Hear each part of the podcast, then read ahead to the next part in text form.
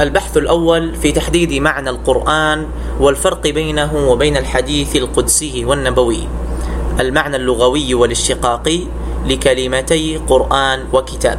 القرآن في الأصل مصدر على وزن فعلان بالضم كالغفران والشكران والتكلان. تقول قرأته قرأ وقراءة وقرآنا بمعنى واحد أي تلوته تلاوة.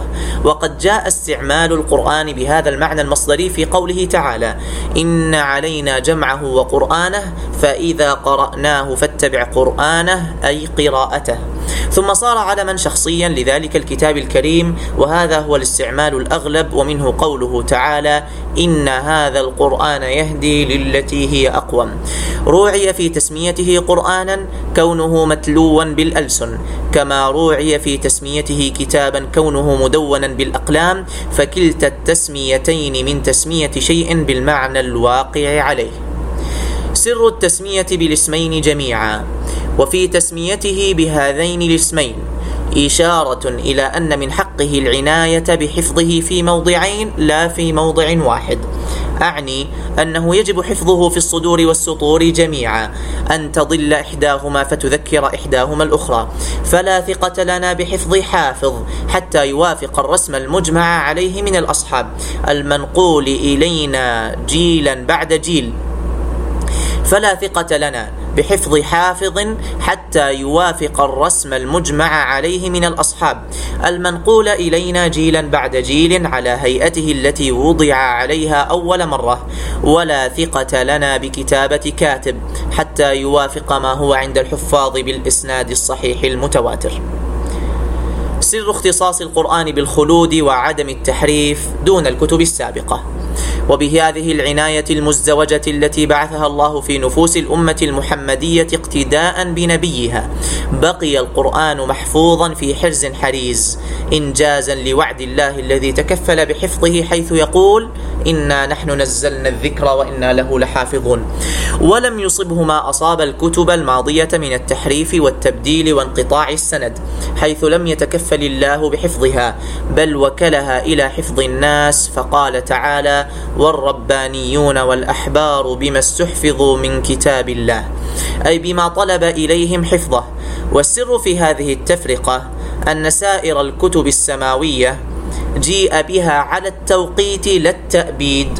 وأن هذا القرآن جيء به مصدقا لما بين يديه من الكتاب ومهيمنا عليها فكان جامعا لما فيها من الحقائق الثابتة زائدا عليها بما شاء الله زيادته وكان سادا مسدها ولم يكن شيء منها ليسد مسده. فقضى الله أن يبقى حجة إلى قيام الساعة وإذا قضى الله أمرا يسر له أسبابه وهو الحكيم العليم. هل يمكن تحديد القرآن تحديدا منطقيا؟ ولما كان القرآن بهذا المعنى الأسمى جزئيا حقيقيا كان من المتعذر تحديده بالتعاريف المنطقية ذات الأجناس والفصول والخواص وذلك شأن كل الجزئيات الحقيقية لا يطابق الجزئي مفهوما لأنه يقبل الانطباق على كل ما يفرض على كل ما يفرض مماثلا له في ذلك الوصف ذهنا وإن لم يوجد في الواقع. فلا يكون مميزا له عن جميع ما عداه فلا يكون حدا صحيحا. وإنما يحدد الجزئي بالإشارة إليه حاضرا في الحس أو معهودا في الذهن. فإذا أردت تعريف القرآن تعريفا تحديديا فلا سبيل لذلك إلا بأن تشير إليه مكتوبا في المصحف أو مقروءا باللسان فتقول هو ما بين هاتين الدفتين. أو تقول هو بسم الله الرحمن الرحيم الحمد لله رب العالمين إلى من الجنة والناس أما ما ذكره العلماء من تعريفه بالأجناس والفصول كما تعرف الحقائق الكلية فإنما أرادوا به تقريب معناه وتمييزه عن بعض ما عداه مما قد يشاركه في الاسم ولو توهما. ذلك أن سائر كتب الله تعالى والأحاديث القدسية وبعض الأحاديث النبوية تشارك القرآن في كونها وحيا إلهيا فربما ظن ظان أنها تشاركه في اسم القرآن أيضا فأرادوا بيان اختصاص الاسم به ببيان صفاته التي امتاز بها عن تلك الأنواع.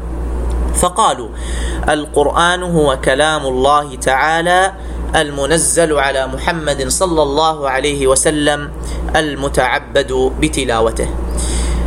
عناصر التعريف المشهور للقرآن فالكلام جنس شامل لكل كلام وإضافته إلى الله تميزه عن كل من سواه من الإنس والجن والملائكة. والمنزل مخرج للكلام الإلهي الذي استأثر الله به في نفسه أو ألقاه إلى ملائكته ليعملوا به لا لينزله على أحد من البشر. إذ ليس كل كلامه تعالى منزلا بل الذي أنزل منه قليل من كثير. بل الذي أنزل منه قليل من كثير. قل لو كان البحر مدادا لكلمات ربي لنفد البحر قبل أن تنفد كلمات ربي ولو جئنا بمثله مددا. ولو أن ما في الأرض الأرض من شجرة أقلام والبحر يمده من بعده سبعة أبحر. ما نفدت كلمات الله.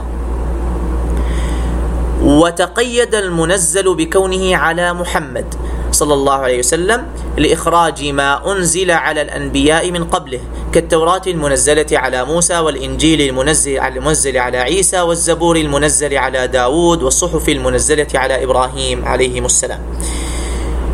وقيد المتعبد بتلاوته أي المأمور بقراءته في الصلاة وغيرها. وقيد المتعبد بتلاوته أي المأمور بقراءته في الصلاة وغيرها على وجه العبادة لإخراج ما لم نؤمر بتلاوته من ذلك كالقراءات المنقولة إلينا بطريق الآحاد وكالأحاديث القدسية وهي المسندة إلى الله عز وجل إن قلنا إنها منزلة من عند الله بألفاظها. التفرقة بين القرآن وبين الأحاديث النبوية والأحاديث القدسية.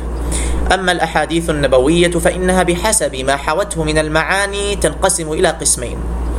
قسم توفيقي استنبطه النبي بفهمه في كلام الله أو بتأمله في حقائق الكون وهذا القسم ليس كلام الله قطعا. وقسم توقيفي تلقى الرسول مضمونه من الوحي فبينه للناس بكلامه وهذا القسم وإن كان ما فيه من العلوم منسوبا إلى معلمه وملهمه سبحانه لكنه من حيث هو كلام. حري بأن ينسب إلى الرسول صلى الله عليه وسلم لأن الكلام إنما ينسب إلى واضعه وقائله الذي ألفه على نحو خاص ولو كان ما فيه من المعنى قد تواردت عليه الخواطر وتلقاه الآخر عن الأول. فالحديث النبوي إذا خارج بقسميه من القيد الأول في هذا التعريف. وكذلك الحديث القدسي إن قلنا منزل بمعناه فقط. وهذا هو أظهر القولين فيه عندنا لأنه لو كان منزلا بلفظه لكان له من الحرمة والقدسية في نظر الشرع ما للنظم القرآني.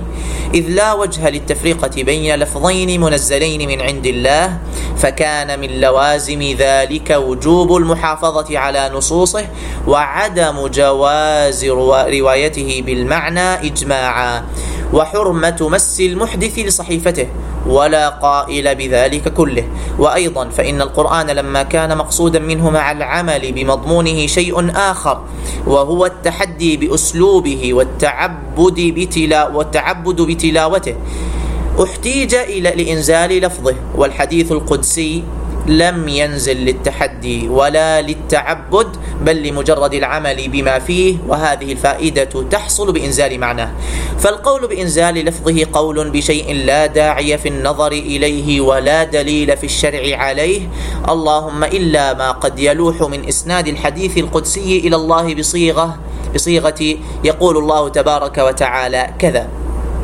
لكن القرائن التي ذكرناها آنفا كافية في إفساح المجال لتأويله بأن المقصود نسبة مضمونه لا نسبة ألفاظه وهذا تأويل شائع في العربية فإنك تقول حينما تنثر بيتا من الشعر يقول الشاعر كذا وتقول حينما تفسر آية من كتاب الله بكلام من عندك يقول الله تعالى كذا وعلى هذه القاعدة حكى الله تعالى عن موسى وفرعون وغيرهما مضمون كلامهم بألفاظ غير ألفاظهم وأسلوب غير أسلوبهم ونسب ذلك إليهم.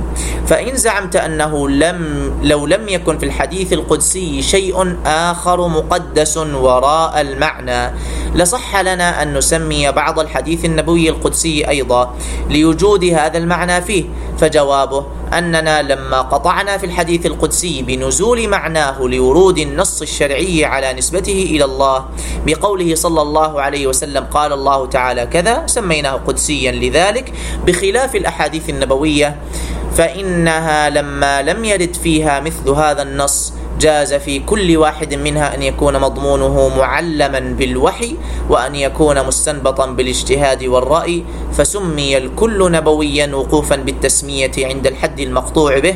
ولو كانت لدينا علامة تميز لنا قسم الوحي لسميناه قدسيا كذلك. على أن هذا الامتياز لا يؤدي إلى نتيجة عملية فسواء علينا عند العمل بالحديث أن يكون من هذا القسم أو من ذاك إذ النبي صلى الله عليه وسلم في تبليغه صادق مأمون وفي اجتهاده فطن موفق وروح القدس يؤيده فلا يقره على خطأ إن أخطأ في أمر من أمور الشريعة. فكان مرد الأمر في الحقيقة إلى الوحي في كلتا الحالتين إما بالتعليم ابتداء وإما بالإقرار أو النسخ انتهاء ولذلك وجب أن نتلقى كل سنته بالقبول. وما آتاكم الرسول فخذوه وما نهاكم عنه فانتهوا. وما كان لمؤمن ولا مؤمنة إذا قضى الله ورسوله أمرا أن يكون لهم الخيرة من أمرهم.